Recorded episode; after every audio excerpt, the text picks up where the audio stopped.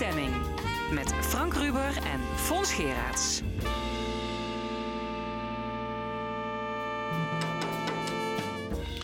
Welkom bij De Stemming, het interview- en discussieprogramma van L1 Radio.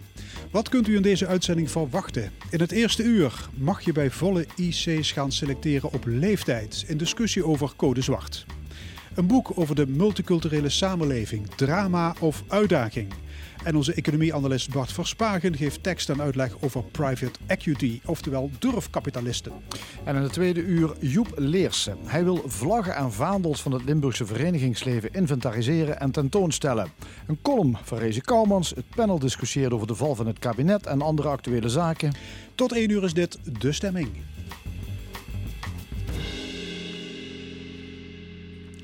Welke kant gaat het op met de zeer Britse coronavariant?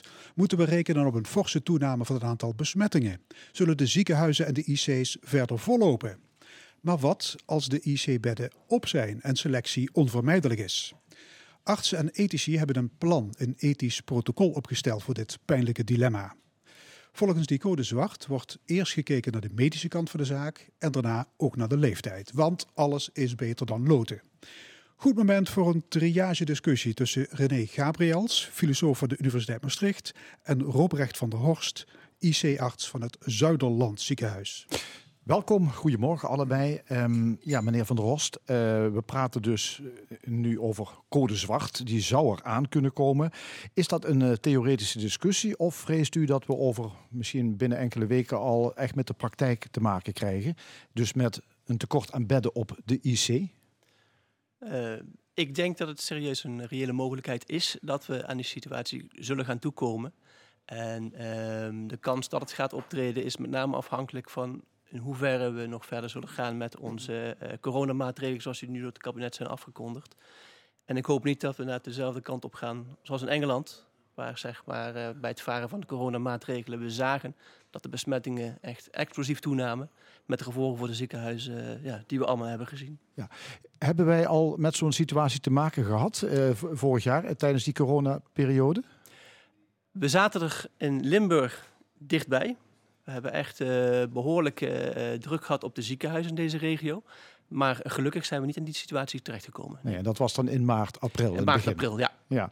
Uh, nou ja, dus als er echt een tekort is, hè, stel je hebt op je IC's uh, minder bedden dan er patiënten zijn, dan uh, kun je dus voor de, de keuze komen te staan. Dan moet er triage plaatsvinden. dat is iets anders dan selectie. Wat, wat is triage? Nou, ik, triage, um, ik, ik, ga heel even verder in op, op, op, op de voorwaarden. Um, een een, een triage die komt met de huidige pandemie pas als zeg maar alle ziekenhuizen maximaal zijn opgeschaald in het hele land. En dat door zeg maar, de regering uh, een, een, een fase 3 of in de volksmond een code zwart wordt afgekondigd. Pas op dat moment wordt er in het hele land overgegaan op triage. Um, dan verandert de, de manier waarop je eigenlijk naar de patiënten kijkt. Voorheen kijk je naar een patiënt zoals nu. Bij alle beslissingen die je maakt, wat is het allerbeste voor een patiënt? In geval van schaarste, zoals in dit geval uh, intensive care bedden, moet je eigenlijk kijken naar wat is het beste voor de gehele populatie. Met andere woorden, hoe kun je met de schaarste middelen het beste uh, uh, effecten bereiken. Ja, en dan is er een bepaalde volgorde. Ja, het, het klinkt eigenlijk allemaal zo, zo banaal, maar je, we hebben het over mensen. Hè? Maar, maar goed, uh, dan, dan, dan, dan, maak je een, een selectie of dan, dan, dan is er een prioriteitenlijstje. Ja, je gaat inderdaad eerst kijken uh, op medische gronden, zoals u uh, correct zegt, van uh, welke patiënten of patiëntengroepen hebben de meeste baat bij een opname op de intensive care. En ehm, dan kun je je voorstellen dat mensen die al een, een, een, hele slechte gezondheid vooraf hebben, dat die een mindere kans hebben om zo'n zware behandeling op de intensive care te overleven. En ook de mensen waarvan je weet door een, een medische aandoening dat ze een beperkte uh, levensverwachting hebben, dan hebben we het over levensverwachting van onder een jaar, die mensen zullen ook minder baat hebben van een intensive care opname. Dus in het uiterste geval van zo'n fase 3 of, of code zwart, zoals u noemt, zullen die mensen waarschijnlijk niet meer worden opgenomen op de intensive care. Ja, en als alle afwegingen gemaakt zijn op medische gronden, dan kan bijvoorbeeld ook op leeftijd een selectie gemaakt worden. Uh, ja, die mogelijkheid bestaat als de crisis verder voortgaat en, ehm, en je komt zelfs met die selectie of met die, met die exclusiecriteria kom je niet verder en je hebt nog steeds te weinig bedden voor het aantal patiënten wat je graag zou willen opnemen. Dan moet je de patiënten gaan vergelijken onderling. Eerst inderdaad opnieuw op medische gronden. Hè. Bijvoorbeeld, ik heb twee patiënten voor één bed. Welke patiënt heeft echt de beste kans om er uh, ja, goed uit zo'n zware behandeling te komen? Maar ja, het kan best zijn dat je gelijkwaardige patiënten hebt, waarvan je niet duidelijk kunt zeggen welke van de twee uh, het meeste baat zal hebben. En dan kijk je naar andere criteria. Helemaal onderaan staat inderdaad selectie op leeftijdsgeneratie. Ik moet zeggen, het is geen absolute criterium, maar het is een leeftijdsgeneratie. Maar er komen eerst ook nog andere criteria aan. Maar, maar, uiteindelijk zou dan uh, helemaal onderaan een, een, jonger persoon voorgaan op een ouder persoon. Uh, René Gabriels, uh, je bent filosoof aan de Universiteit Maastricht. Wat vind jij van ja, de afwegingen zoals ze nu in het draaiboek voorhanden zijn? Ik heb er grote moeite mee. Dat heeft te maken met die leeftijdskwestie. dus ik vind niet dat je mensen moet discrimineren op leeftijd. Ik ken ook het tegenargument. Sommigen zeggen dat is niet uh, discriminatie op leeftijd. Maar de facto is het wel discriminatie op leeftijd. Dus mijn idee is dat uh, ieder mens um, recht heeft om te leven. En dat alle andere criteria, om een, het is een normatieve beslissing uiteindelijk uh, niet gelden. Dus je mag mensen niet discrimineren op grond van leeftijd, huidskleur, uh, seks, et cetera. Ja. Dit, dit, zou betekenen discriminatie. Dus iedereen heeft evenveel recht om te leven. Uh, als je die categorisering toe zou passen, zoals in het draaiboek staat, krijg je absurde situaties. Ze hebben diverse groeperingen dus zeg maar, zeg maar tussen 60 en 80 jaar, noem maar op. Dat betekent dus als iemand 79 jaar is en de, de ander is 81, dat de 81-jarige um, uh, uh, pech heeft. Ja, maar je kunt je ook voorstellen in een vergelijkbaar geval, een moeder van 34 jaar met drie kleine kinderen, of een vrouw van, van 88 met uh, volwassen kinderen en, en, of misschien bijna volwassen kleinkinderen. Ja, allebei hebben, hebben evenveel recht om te leven. En het argument is ook dat uh, kansen hier uh, zouden gelden. Dus iemand die, uh, dat is het fair inningsprincipe wat gehanteerd wordt. Dus mensen die jong zijn, hebben nog niet al de kansen die het leven biedt kunnen benuttigen, terwijl ouderen dat al hebben kunnen doen. Dat, de facto hoeft dat helemaal niet te kloppen. Het kan zijn dat ik bijvoorbeeld, ik ben al oud, dat ik mijn hele leven um, heel veel pech heb gehad. En pas nu de laatste drie jaar uh, de grote liefde van mijn leven ben tegengekomen. En al die kansen die ik verkwanseld heb in mijn leven nou kan verwerkelijken. Dus het, je kunt niet a priori zeggen dat, dat die kansen verwerkelijk kunnen worden. Nee, Robert van der Horst, IC-arts. Uh, leeftijd, is dat eigenlijk een medisch relevant criterium? Dat kan het zijn. Uh, als u nu kijkt naar corona als, als voorbeeld, dan weet u gewoon dan van, van patiënten die jong zijn, dat die het over het algemeen beter doen op de intensive care dan patiënten die oud zijn. En dan hebben we het wel over uiterste verschillen overigens hoor. Uh, dus het kan zijn, maar het is niet bij elke aandoening zo. Nee. Uh, ik, ik, hoor, uh, ja, er wordt vaak, als we het over leeftijd hebben, worden vaak extreme leeftijdsverschillen worden tegenover elkaar gezet om aan te geven hoe bizar de situatie kan zijn. Is het niet zo dat het meestal een, straks een triage zal worden op basis van een heel klein leeftijdsverschil? Dat is in theorie heel erg mogelijk, ja. En dan, uh, dan kan het best zijn dat je een uiterste geval hebt dat je net een patiënt hebt van, van pak een beet uh, 72, die je moet gaan afwegen tegen een patiënt van 74. Ja, in zo'n geval zegt uh, het protocol of het draaiboek zegt van ja, daar is geen duidelijk verschil, want het is dezelfde generatie. Dan zou je dus moeten gaan loten. Maar het zou ook kunnen zijn, zoals het voorbeeld wat uh, de heer Gabriel zojuist zegt, dat het iemand is van 81 versus iemand van 79. En die zitten allebei, volgens het draaiboek, in een andere generatie. Ja, maar ja. er is wel de kans dat die qua gezondheid vergelijkbaar met elkaar zijn, die is best groot. Zeker. En dan heb je een minim leeftijdsverschil. En zou je dan niet beter kunnen loten, René Gabriels? Ja, dus als je... Kijk, mensen denken uh, dat uh, loten een kwestie van willekeur is. Is het niet. Het, principe, het gaat eerst om het normatieve principe. En volgens welke norm maak je een selectie? Een triage is een situatie waarin je een gedwongen selectie hebt. Of te maken met een gedwongen selectie. Nou, en ik vind eh, dat eh, eh, iedereen recht heeft op, eh, om te leven, ongeacht huidskleur, et cetera, wat ik net al zei. En dan is de consequentie dat je moet loten. Dus loten is niet willekeur. Loten is de consequentie van een norm die je hoog houdt. En dat is, een, is gewoon ook een mensenrecht. Ik, ik vind dus dat eh, de, het, het draaiboek wat in Nederland gehanteerd wordt, vloekt met de mensenrechtenverklaring. Ja, meneer Van der Horst, eh, loten, is dat, is dat denkbaar voor u? Het is, eh, hoe je er bent of keert, het zijn vervelende keuzes die, eh, die, die, die er gemaakt eh, moeten worden. Ehm, zowel loting als, als selectie op leeftijd zijn allebei dingen die ik ja, liefst natuurlijk niet zou willen doen. Maar, maar zou het beter zijn dan bijvoorbeeld kijken naar eh, die twee jaar leeftijdsverschil, die bijvoorbeeld ja, zich zouden kunnen voordoen? Dat vind, dat, vind, dat vind ik heel moeilijk. Ik weet, het, het, de draaiboeken zijn met heel veel zorg samengesteld. Want dat staat wel in de draaiboeken Ja. die de artsen hebben opgesteld. Hè? Dat we nu dus kijken naar leeftijd in zo'n geval. Ja, dat is, dat is correct. Maar het zijn niet alleen artsen die hem hebben opgesteld. Er hebben ook meerdere ethici, eh, hoogleraren en filosofen hebben hieraan meegewerkt. Ehm, dit is de tweede versie overigens van het draaiboek. Na de eerste versie zijn er heel veel eh, ehm, ehm, eh, terugkoppelingen geweest vanuit de praktijk en dergelijke. Het is wel met heel veel zorgvuldigheid toegepast.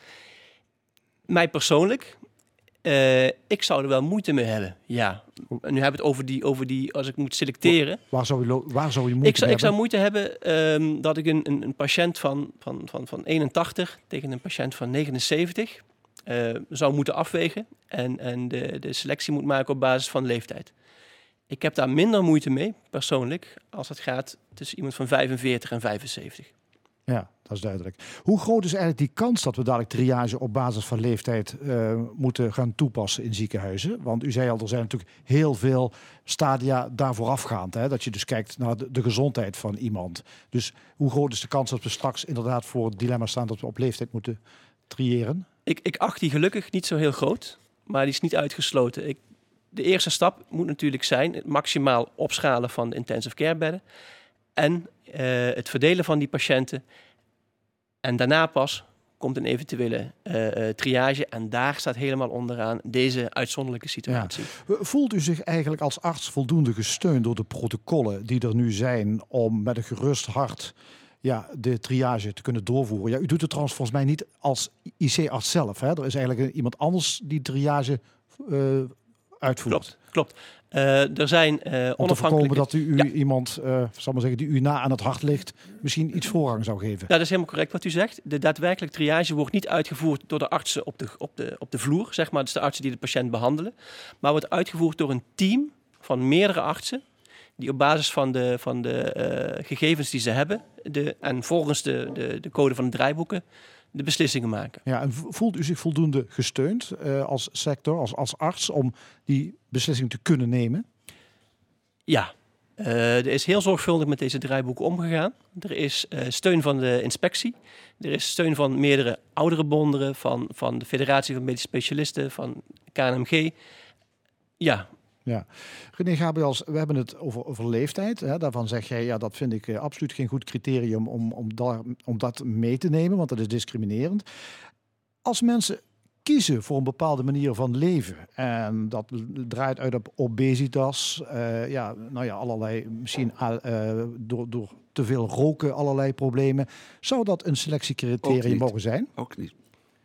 Nee, want ik vind eh, vrijheid het hoogste goed. En als u graag heel veel sigaretten rookt en veel drinkt, dan moet u die vrijheid hebben. Met alle consequenties. Maar dat mag niet zo zijn dat een buitenstaander op grond daarvan zegt van u heeft minder eh, recht op dit of dat. Ja, dus als er twee mensen op de IC liggen en er is maar één bed, in dat geval zeg jij van, dan is toch iemand die buitensporig veel gerookt heeft en gedronken en nooit gesport heeft en weet ik wat. Je zegt, dat leven is net zoveel waard als van die andere ja, personen. tuurlijk. Ieders, ieders leven is evenveel waard. Het, pro- het punt is in, in Nederland nu, en dan kom, kom ik nog eens een keer terug op eh, eh, wat hij net eh, vroeg, is dat ik heb het gevoel, yes, maar ik ben blij dat u zich niet eh, in de steek gelaten voelt, dus dat er geen serieus debat over is geweest. Er is weliswaar een draaiboek gemaakt, eh, maar dat, de politiek Dan- dan over reageerde er triage, anders om. Ja, Ja. de triage. eh, eh, de politiek reageerde er anders over. En dat is een brief van de minister. En ik denk dat er geen zorgvuldige discussie is geweest. Ik denk de mensen die, die dat rapport hebben gedaan, die hebben dat heel, heel gedaan.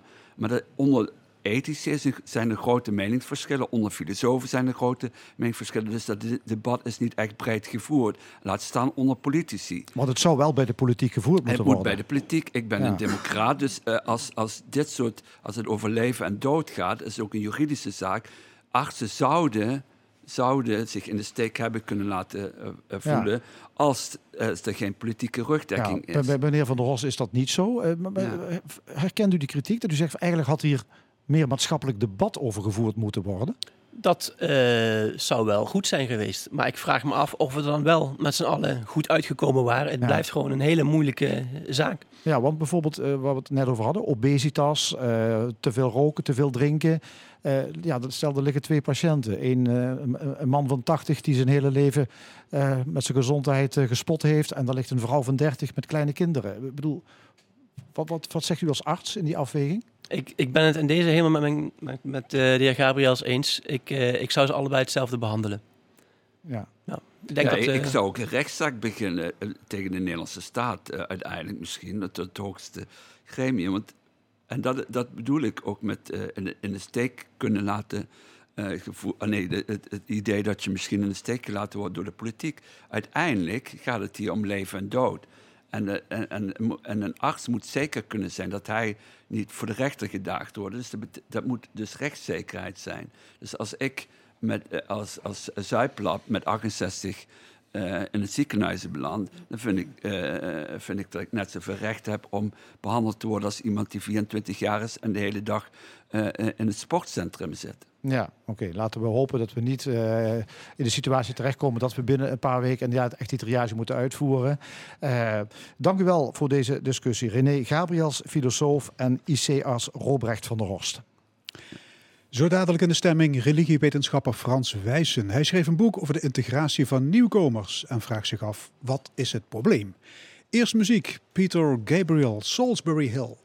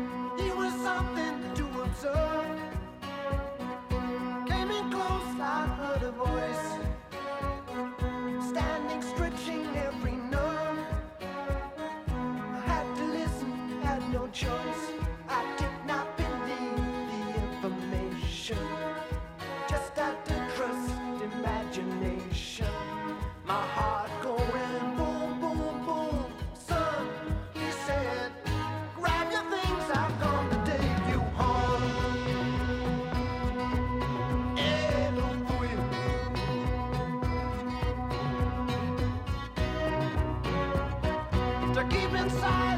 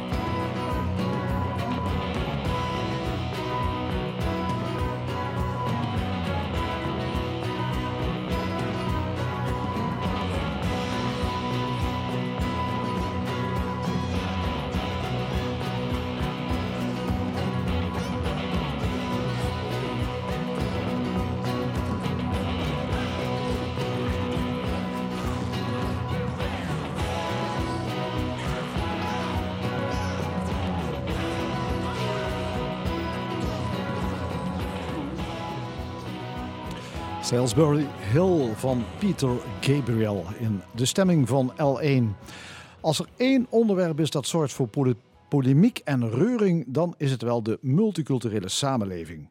Instroom van nieuwkomers, integratie, asielbeleid, het staat garant voor botsende meningen. Volgens religiewetenschapper Frans Wijzen gaat het steeds beter met de integratie van nieuwkomers. Het probleem zit hem in de acceptatie van de burgers. De verdraagzaamheid wordt er namelijk niet beter op. Hij schreef er een boek over, De multiculturele uitdaging. Onze volgende gast, Frans Wijzen. Meneer Wijzen, goedemorgen. Goedemorgen. Ja, u bent hoogleraar praktische religiewetenschap aan de Radboud Universiteit in Nijmegen. Dat praktische, wat wordt daarmee bedoeld? Met praktisch wordt bedoeld dat je eigenlijk naar uh, religie kijkt vanuit een uh, bestuurskundig uh, perspectief. En dat is eigenlijk een beetje vreemd, omdat we er in Nederland lang van uit zijn gegaan dat religie zou verdwijnen in Nederland vanwege de secularisatie. Mensen gaan niet meer naar de kerk of naar de moskee. Dus religie verdwijnt, dus daar hoef je eigenlijk ook geen beleid voor te maken.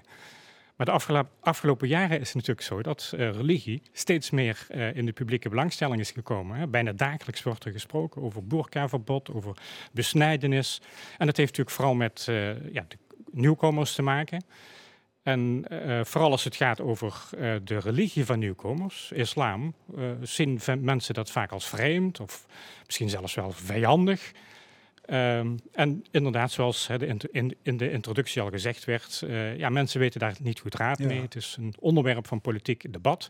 En daar moet je dus beleid voor maken. Ja, en, en ik lees in uw boek dat praktische religiewetenschappers uh, om die reden ook niet neutraal zijn. Nee, dat ze hun engagement niet onder stoelen of banken steken. Ja, uh, de praktische religiewetenschap die stelt zich op het standpunt dat je niet alleen kijkt wat er zeg maar, in de samenleving met religie gebeurt. Dat je dat niet alleen beschrijft, maar analyseert maar dat je daar ook een, een, een normatief standpunt over kunt hebben. en bijvoorbeeld een, een politicoloog die, die kijkt hoe een politiek systeem werkt. Maar die doet ook uitspraken over hoe dat verbeterd zou kunnen. De vorige sprekers die hadden het over, ik ben democraat. Ja, dan moet je nadenken, wat is dan democratie? En hoe kun je democratie verbeteren? Ja. Uh, religiewetenschappers zijn over het algemeen uh, wat terughoudend. Die zeggen, kijk, dat is niet onze taak. Wij beschrijven en wij analyseren, maar we doen geen uitspraken over wat, wat goede religie is. Ik beargumenteer in het boek dat ik dat een beetje onzin vind. Want je kunt best hè, binnen een, een democratisch rechtsbestel uh, uitspraken doen over deze religie of deze religieuze uiting. Past beter hè, bij wat wij in onze samenleving voor ogen hebben dan een andere religie. Daar kun je best een normatief standpunt over hebben. Maar dat zijn maar heel weinig uh, religiewetenschappers die dat doen. Ja, u bent geboren in in Maastricht. Uh, u bent theologie gaan studeren, opgeklommen tot religiewetenschapper. Waarom houdt u zich bezig met de multiculturele samenleving?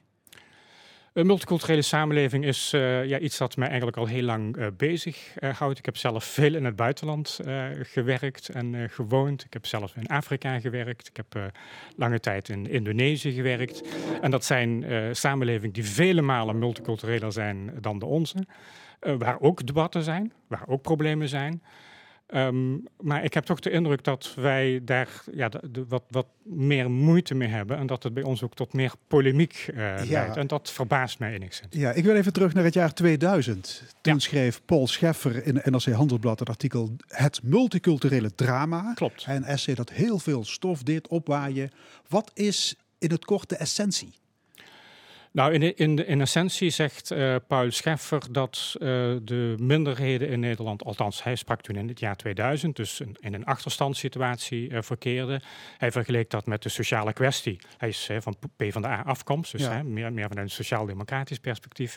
Hij vergeleek dat met de sociale kwestie in de vorige eeuw. En hij vroeg zich af van, ja, waarom doen we daar niks aan? Ja, Scheffer die raakte een gevoelige snaar. Hij raakte een gevoelige... Is, is het onderwerp integratie toen hoog op de politieke agenda gezet? Nee, dat was het eigenlijk al. Het, het vreemde, het vreemde van het boek is dat uh, Paul Scheffer dus een onderwerp aan de orde stelde... wat eigenlijk al lang in discussie was. Er was een rapport van de Wetenschappelijke Raad voor het Regeringsbeleid... Uh, beleid, uh, Nederland als immigratiesamenleving... Wat toen eigenlijk al zei van, nou, eigenlijk gaat het met de migratie hartstikke goed. Hè, de, de integratie, ja. misschien gaat het te langzaam. Um, maar het probleem... Maar waarom was er dan zoveel commotie over dat stuk? Nou, er was commotie over het stuk omdat uh, Paul Scheffer uh, de, de achterstand van migranten koppelde aan hun cultuur en religie. U moet zich voorstellen, dat was de tijd van Pim Fortuyn. Dat was toen het debat van de islamisering van de samenleving. Uh, dus wat Paul Scheffer eigenlijk deed, hij maakte een, een, verbinding tussen dus wat hij noemde de achterstandssituatie van mensen met een migratieachtergrond en hun cultuur. Mm. Lees de islam. En dat is heel merkwaardig, omdat tot dan toe was eigenlijk het, het algemene beleid, ook binnen de PvdA, integratie met behoud van identiteit. Ja, dus dat is ook het, het, standpunt van de Rijksoverheid. Hè? Toen. Integratie met behoud van de identiteit. Toen. En eigenlijk, dus als je terugkijkt, zeg je van dat is eigenlijk heel goed gelukt. Want uit alle rapporten, of je nou de Sociaal Cultureel Planbureau, of het Bureau voor de Statistiek, of Wetenschappelijke Raad voor het Regeringsbeleid, ze zeggen allemaal integratie sociaal-economisch gezien is eigenlijk eh, geslaagd. Kijk naar educatie, kijk naar taalbeheersing, kijk naar, naar opleidingsniveau, kijk naar beroepen. Alleen, men ging ervan uit dat met die sociaal-economische integratie ook de cultuur wel zou verdwijnen. Die religie zou wel verdwijnen. En dat is niet gebeurd. Is dat bedoeld, uh, wat u bedoelt met de zin, de verschillen tussen groepen zijn niet groter geworden, maar de acceptatie van verschillen is afgenomen? Precies. Precies, dus uh, we, we, gaan eigenlijk steeds meer naar. Dus wat je ziet, uh, die integratie sociaal-economisch gezien, die is eigenlijk geslaagd. Alleen de verwachting dat dat ook zou leiden tot een vermindering van religie of islam, dat is niet uitgekomen. En daar hebben we steeds meer moeite mee. Dus we willen eigenlijk steeds meer een eenheid. we, vinden gewoon, we leven in een liberaal, seculier, democratisch. We moeten allemaal voor dit zijn of allemaal voor dat zijn. En mensen die zeggen van luister eens even, ik spreek goed Nederlands, ik heb een goede baan. Maar op die en die punten ben ik het gewoon niet mee eens. Ik heb daar een andere opvatting over. Kennelijk hebben we steeds meer moeite om dit soort verschillen te accepteren. Ja, dus er is minder uh, acceptatie, minder tolerantie in de samenleving. Klopt. En daar zijn onder andere de moslims de dupe van. Waarom is de verdraagzaamheid zo afgebrokkeld? Nou, niet alleen uh, moslims, dat is ook een misverstand. Want uh, het interessante is, in, het, in de week dat het boek verscheen, was er een hevige discussie over de, de cartoon-kwestie. Maar tegelijkertijd speelde de kwestie over de acceptatie van homoseksualiteit op reformatorische scholen. Dus het gaat niet alleen over de islam, het gaat gewoon over religie. Hè? Als je religieus bent in Nederland, dan ben je gewoon, ja, dan ben je niet aangepast of dan ben je, ben je een beetje merkwaardig. En dat was het interessante van die week. Dat het ging over islam, maar plots was daar een heel andere discussie. Dat ging over reformatorische scholen. En dan blijkt het over een heel klein aantal scholen te gaan. Maar dat wordt dan zo opgeblazen. En, hè, want je moet in Nederland voor homoseksualiteit zijn. En als je dat niet doet, dan, nou ja, dan krijg je een hevige discussie. Maar, hoe, maar hoe verklaart u de grote, stabiele aanhang van Geert Wilders? Uh, de, de, de grote aanhang van uh, Geert Wilders, Gilders is, is natuurlijk een, een, een proteststem. maar als je heel goed kijkt naar het electoraat van Wilders, dan, dan is dat heel divers. En dat heeft niet zozeer te maken met ergernis over dat hoofddoekjes en de ritueel slachten en heeft overlast Marokkaanse jongeren, Zeker, dat heeft er ook mee te maken. maar als je gewoon kijkt naar het, uh, de achterban van Wilders, dan is dat heel divers. En daarom is het voor hem ook echt moeilijk om een politieke macht te, te vormen. Maar kijk naar zijn nieuwe verkiezingsprogramma. Verbod op de Koran, moskeeën, islamitische scholen, sluiting van alle asielzoekerscentra, geen toelating van migranten uit islamitische landen een ministerie van de-islamisering. Ja, dat zal heel veel mensen. wat vindt u ervan? Dat zal heel veel mensen aanspreken. Hè, maar als je gewoon als beleidskundige uh, uh, gaat kijken, en dat is natuurlijk niet de eerste keer dat u dat zegt, dan zijn veel van die, van die voorstellen van hem gewoon volstrekt uh, politiek onuitvoerbaar. Want dan moet je eerst uit de Europese Unie, want je hebt gewoon met een Europees verdrag van de rechten van de mens te maken. Hè. Iedereen heeft recht om zijn vrijheid te uiten, hè, om die publiekelijk te beleiden. Dat is gewoon een grondrecht. Dus voordat je, dat hij daar aan toe zou kunnen komen, zou die eerst uit de Europese Unie moeten gaan. Okay, zou die eerst maar allerlei toch, bedragen... Wilder staat hoog in de peilingen. Klopt. Is op de VVD na de grootste partij van het land? Uh, klopt, maar dat, dat is al een tijdje zo. Toch is het niet gelukt om een politieke macht te vormen. En dat heeft vooral te maken met het feit dat de aanhang van Wilders natuurlijk vooral een, een protest is hè, tegen het establishment. Dat is heel goed ja. te begrijpen maar heel divers, hè, over heel veel onderwerpen. En het probleem is, op het moment dat je moet gaan regeren, moet je natuurlijk compromissen gaan sluiten en moet je consensus hebben. En dat lukt gewoon niet. In uw boek staat, meneer Wijze, dat het multiculturele drama wordt geframed. Ja, dat framing is een soort beïnvloedingstechniek. Wat, ja. wat bedoelt u daar precies mee? Nou, dat kan ik goed voor. Uh, dat, dat kan ik goed uh, um, uitleggen. Voor mij staat een glas water. Uh, dat, dat glas is half vol of half leeg.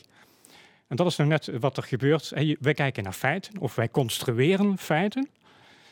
Hè, eh, vanuit bepaalde vooronderstellingen. Maar wij doen dat eh, vanuit heel verschillende perspectieven. Ik geef u een voorbeeld. Eh, verleden jaar was bij de algemene beschouwingen. was er, ontstond er op een gegeven moment een debat over de oververtegenwoordiger, oververtegenwoordiging van mensen met een migratieachtergrond in de criminaliteitscijfers. Dat is een feit. Mhm. Ook een feit is dat die deelname van mensen met een migratieachtergrond in, in eh, eh, criminaliteitscijfers de afgelopen tien jaar is gehalveerd. Dus je kunt zeggen van, goh, goh, goh, dat is erg. Mhm. De migranten zijn oververtegenwoordigd. Dat was tien jaar geleden ongeveer 5% van de mensen met een migratieachtergrond. Dat is nu nog slechts 2,4%. Dus je kunt eigenlijk, je kijkt naar hetzelfde fenomeen. Maar in het ene geval zeg je, nou, dit is hè, heel dramatisch, want die mensen zijn oververtegenwoordigd. Ja, dat is een feit. Ja. Wie maakt zich schuldig aan die framing? Eh, wij allemaal. Eh, journalisten, politici, die doen dat hè, vanwege, de, hè, eh, vanwege een, een electoraal eh, eh, gewin.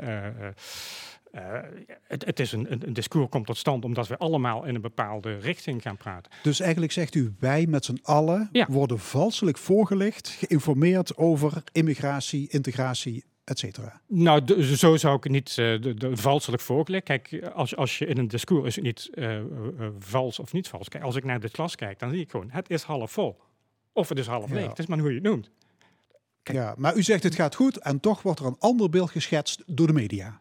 Nou, het gaat goed. Eh, het, het gaat goed als je kijkt naar datgene wat wij eigenlijk wilden. Namelijk, wij wilden integratie met behoud van identiteit. En dat is gelukt. Alleen, het beleidsdoel is veranderd. Wij willen eigenlijk niet dat mensen hun eigen identiteit bewaren. En daarom vinden we dat het slecht gaat. Zeg, de titel van uw boek is eh, De multiculturele uitdaging. U vindt het woord eh, drama niet op zijn plaats. Nee, nee, ik vind dat dus, en dat heeft dus ook met framing te maken. Hè? Dus eh, Paul Scheffers die vreemde een debat in, in termen die zeer negatief zijn. Ja, hij zegt nu ook, ik zou het anders schrijven als ik de klok zou terugzetten. Ik, ik zou het Goed, anders nou ja, hebben- hij, heeft het genuanceerd, maar Ja. hij heeft niet gezegd, ik heb me toen eigenlijk vergist. Nee, nee, maar het is geen drama, er wordt een drama van Nee, gemaakt. het is een- er wordt een drama van gemaakt. Kijk, ik ontken niet dat er eh, vraagstukken zijn. Ik on- ontken niet dat er eh, zaken zijn die, die, die niet goed lopen. Maar het woord drama vind ik, eh, ik vind het wel een uitdaging. ja, is het ook een kwestie van taal? Hoe bedoel je? Hoe je iets noemt. Zeker. Ja, dus dat, dat begint natuurlijk met het migrantendebat. Eh, ja, spreek je over minderheden, spreek je over migranten, spreek je over moslims, spreek je over Marokkanen. Dat is een, een, voortgaand debat van Ja. hoe nu U heeft het ook over achterstandswijken of moet je spreken van krachtwijken? krachtwijken, prachtwijken, hè? krachtwijken, prachtwijken. Dus heel, het heeft heel veel met taal te maken Ja. en hoe je dingen Maar als je dan voortdurend het woord prachtwijk gebruikt, is dat ook eigenlijk geen vorm van framing? Zeker. Dat is zeker een framing, natuurlijk, maar wij kunnen niet om framing heen. Ja. Eh, alleen de vraag is, wat wil je daarmee? Hè? En daarom eh, eh, vond ik de vorige discussie vond ik ook wel interessant. Bij elk beleidsterrein moet je natuurlijk verwoorden in een bepaalde taal, maar die taal is nooit neutraal. Daar zitten gewoon bepaalde wereldbeelden Ja. of filosofen, filosofieën achter. En daar moet je van bewust zijn dat we over geen enkel onderwerp, of nou over religie gaat, of over het eh, zwarte, de zwarte scenario, eh, daar kun je niet neutraal over praten. Omdat je op het moment dat je begint te praten, zitten daar al bepaalde wereldbeelden of eh, filosofieën achter. En daar moet je van bewust zijn. Dus als ik over een prachtwijk of een probleemwijk praat, hè, dan praten we wel over hetzelfde, maar er zit een heel ander wereldbeeld achter. En daar moeten wij, denk ik, meer van bewust zijn. U zegt in het boek, de grote uitdaging is om mensen met een niet-westerse migratieachtergrond te betrekken bij de samenleving. Klopt. Hoe zou dat moeten? Nou, op de eerste plaats natuurlijk om door hun serieus te nemen. Dus ik, eh, de, de, de, de lijn in, in mijn hele betoog is dat het eigenlijk met integratie hartstikke goed gaat. Alleen dat wij steeds meer moeite hebben met hun eigenheid.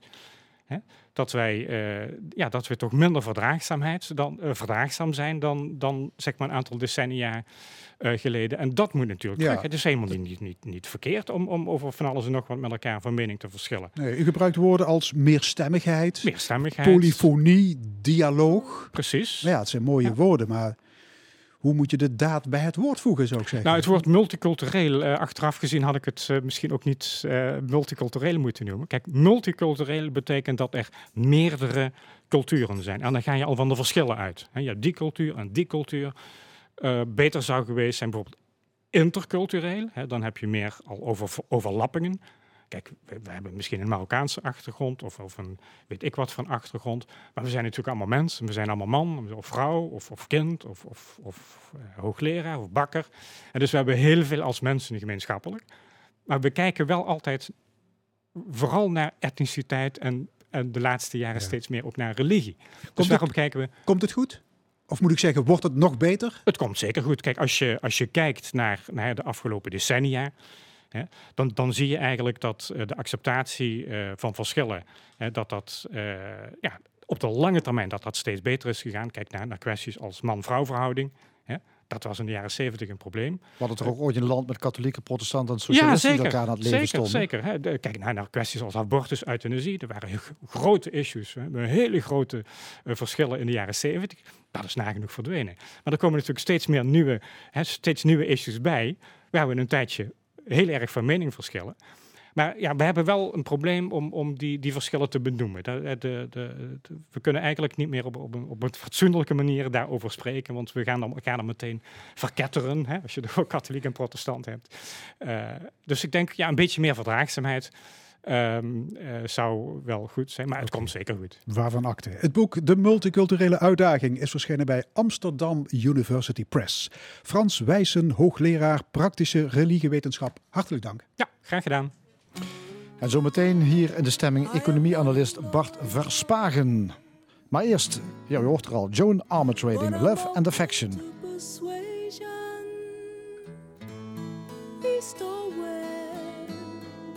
Where's the best for romancing with a friend? I can smile, but with a lover I could hold my head back and really laugh, really laugh. Thank you. You took me dancing across the floor, cheek to cheek. But with a lover, I could really move, really move. I could really dance, really dance, really dance, really dance. I could really move, really move, really move, really move. Now if I can feel the sun in my eyes and the rain on my face, why can't I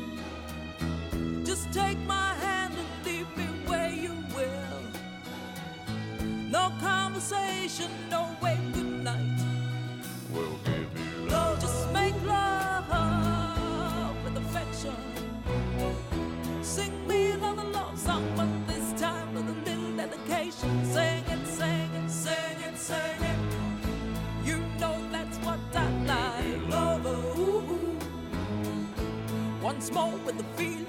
Give me love,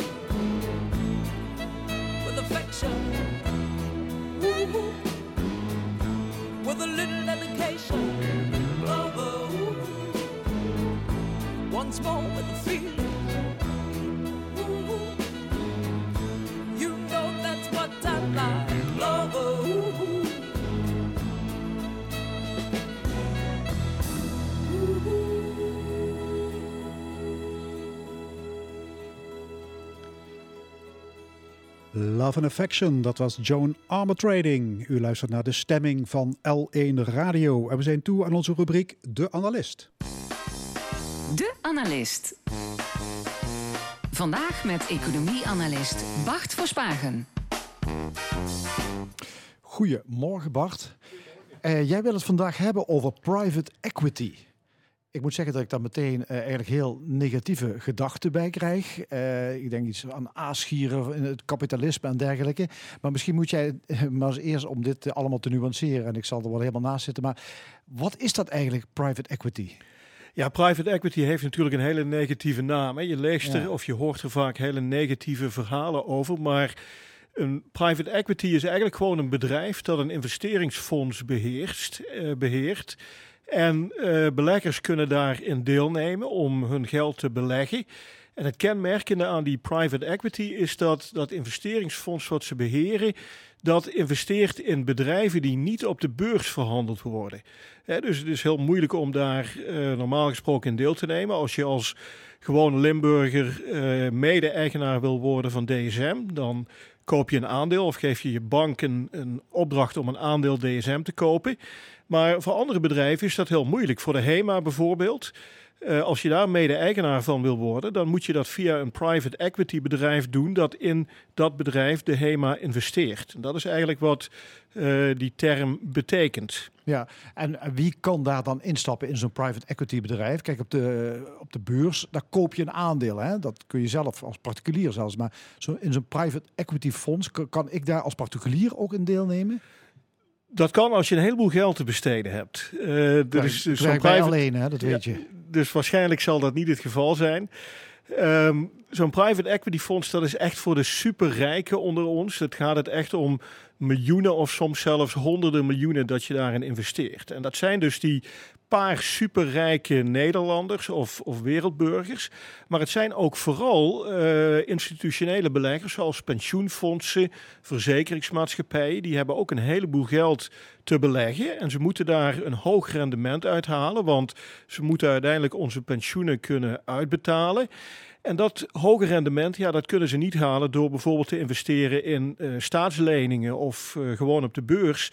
En daardoor beleggen die een belangrijk gedeelte van hun kapitaal in private equity. En ja, dan heb je meteen ook een beetje een paradox, hè? want eh, aan de ene kant, we zijn vaak heel negatief over private equity, maar we hebben die private equity fondsen ook wel nodig om onze pensioenen op peil te houden of om onze verzekeringspremie betaalbaar te houden. Ja, dus ik zei al, ja, kan ik daarin investeren? Maar indirect kun je als particulier, of indirect ben je er wel bij betrokken als particulier, omdat bijvoorbeeld je pensioenfonds geld steekt in, dat, eh, in, dat, in zo'n private equity bedrijf. Ja, op die manier ben je er inderdaad bij betrokken. En eh, ik denk ook dat het heel goed is om je daar bewust van te zijn. Maar ook bij dat pensioenfonds aan te dringen als deelnemer op, eh, op openheid eh, over dat soort beleggingen. Ja, Ehm, ik begon al met eh, het feit dat ik zelf een nogal negatief beeld heb bij het begrip private equity. Hè?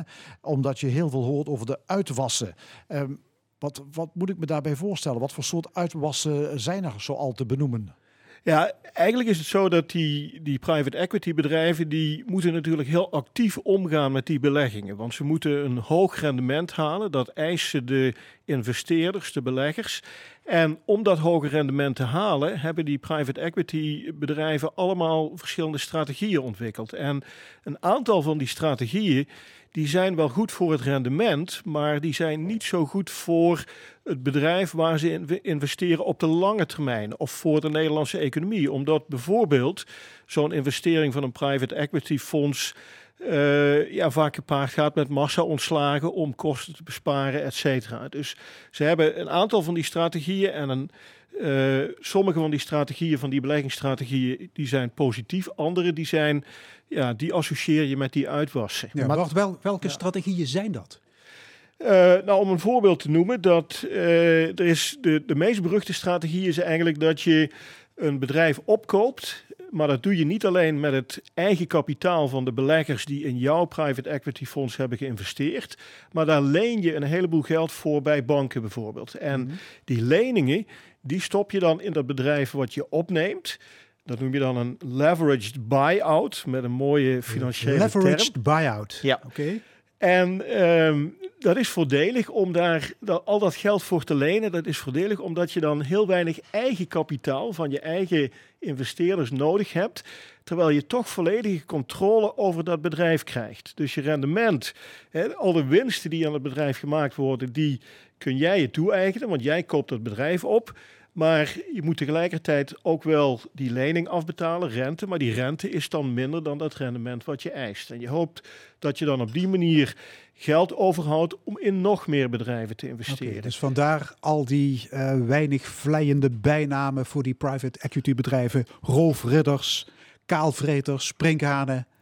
Daar Ja. komt die reputatie vandaan. eigenlijk. Precies, want ja, ze stouwen dat bedrijf dus vol met die, eh, die schuld. Ja, Die zoals moet- met Apax gebeurde, hè, die uitgeverijen, met de HEMA, noem maar op. Ja, eh, dus die bedrijven hebben schuld, eh, die moet afbetaald worden. Maar tegen die tijd dat dat afbetaald moet worden, of tegen de tijd dat die schuld een probleem gaat worden, omdat het bijvoorbeeld economisch wat tegen zit, ja, dan heeft dat private equity bedrijf misschien al lang weer dat bedrijf verkocht. En dan hebben ze hun rendement al gehaald en zijn ze alweer op zoek naar het volgende verhaal. En Ja, dat Is, een is zo'n beetje- bedrijf, is zo'n bedrijf daar weerloos tegen? Kun je dat niet tegengaan, dat zo'n private equity eh, fonds jou overneemt? Ehm, dat hangt een beetje af van eh, de beleggers die dat bedrijf in handen hebben. Als die eh, van dat bedrijf af willen, ja, dan is het heel moeilijk om je daartegen te beschermen. Maar je kunt wel eh, allerlei beschermingsconstructies opzetten, juridisch, waarbij je zegt van ja, je, je kunt niet eh, de controle over dat bedrijf krijgen tenzij je voor de lange termijn investeert, et cetera. Maar in het algemeen is dat vrij moeilijk, hoewel dat ook wel van de ene naar de andere context een beetje verschilt. In sommige landen is dat veel makkelijker om je daartegen af te weren dan in andere landen. Wacht, moeten we dit soort ja, praktijken toch maar accepteren? Omdat anders misschien onze pensioenen in gevaar komen? Nou, ik denk zeker dat we onze ogen niet moeten sluiten voor de ook wat meer positieve kanten die aan zo'n private equity fonds kunnen zitten. Want zo'n leverage buyout, dat is maar één van de strategieën die ze implementeren. Ze hebben ook andere manieren om te investeren. Een daarvan is bijvoorbeeld zogenaamde angel investors. Dat is al een term die wat positiever klinkt. Hè? En die angel investors, dat zijn investeerders die investeren in hele jonge bedrijven, die dat ook doen voor de lange termijn. Jonge bedrijven die vaak veelbelovende technologie aan het ontwikkelen zijn, en vaccintechnologie bijvoorbeeld. Eh, en ja, door op die manier te investeren, creëer je natuurlijk waarde voor de maatschappij die samenhangt met die nieuwe technologie. En dat is ook een kant, dat is ook een strategie die die private equity funds eh, gebruiken. En je zou hopen dat ze zich vooral met dat soort strategieën zouden bezighouden. Maar ja, in de praktijk zijn het zowel de positieve als de negatieve kanten die daaraan zitten. Ja, wa- want de klanten van private equity fondsen die willen maar één ding, rendement. Precies. en wat zou je kunnen doen om uitwassen tegen te gaan? Ik denk dat je, daar, eh, dat je daar twee dingen aan kunt doen. Aan de ene kant kun je natuurlijk door regulering, door wetten te maken die het onmogelijk of moeilijk maken om die negatieve strategieën te gebruiken. De overheid kan daar grenzen aan stellen, bijvoorbeeld door het te verbieden aan banken om heel veel risico te nemen, om dat soort leningen te, te verstrekken of om die overnames juridisch veel moeilijker te maken. Dat is het ene wat je eraan kunt doen. En ik denk dat je aan de andere kant ook kunt eisen van die, vooral die institutionele beleggers, hè, dus die pensioenfondsen, die verzekeringsmaatschappijen, daar kun je van eisen dat ze daar heel open over zijn. Dat ze gewoon ieder jaar in een jaarverslag weergeven in welke private equity fondsen zij geïnvesteerd hebben, welke strategieën of daar bijvoorbeeld leverage buyouts zijn gebruikt Mhm. om dat rendement te halen. Want er ligt nu al druk op die pensioenfondsen hè, om duurzaam te investeren. Bijvoorbeeld niet in de wapenindustrie. Ja, precies. Dat zie je al heel veel. Ja. Dat, eh, die, dat soort jaarverslagen zijn er ook wel.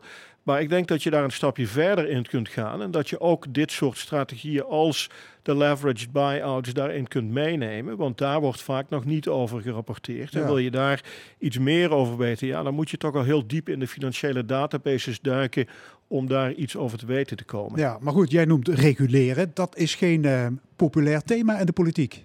Regulering. Nee, dat wil niemand. Eh, nou, dat wil niemand. Dat zo, zo ver zou ik niet gaan. Eh, ik Het is denk wel dat, zo dat politieke partijen steeds meer sturing willen hè, van, de, van de overheid. Ja, ik denk dat het klimaat zich een beetje aan Ja. het omkeren is. Hè. Je ziet dat we een tijd hebben gehad waarin je alles moest heel liberaal zijn. Eh, De financiële wereld moest zijn gang kunnen gaan.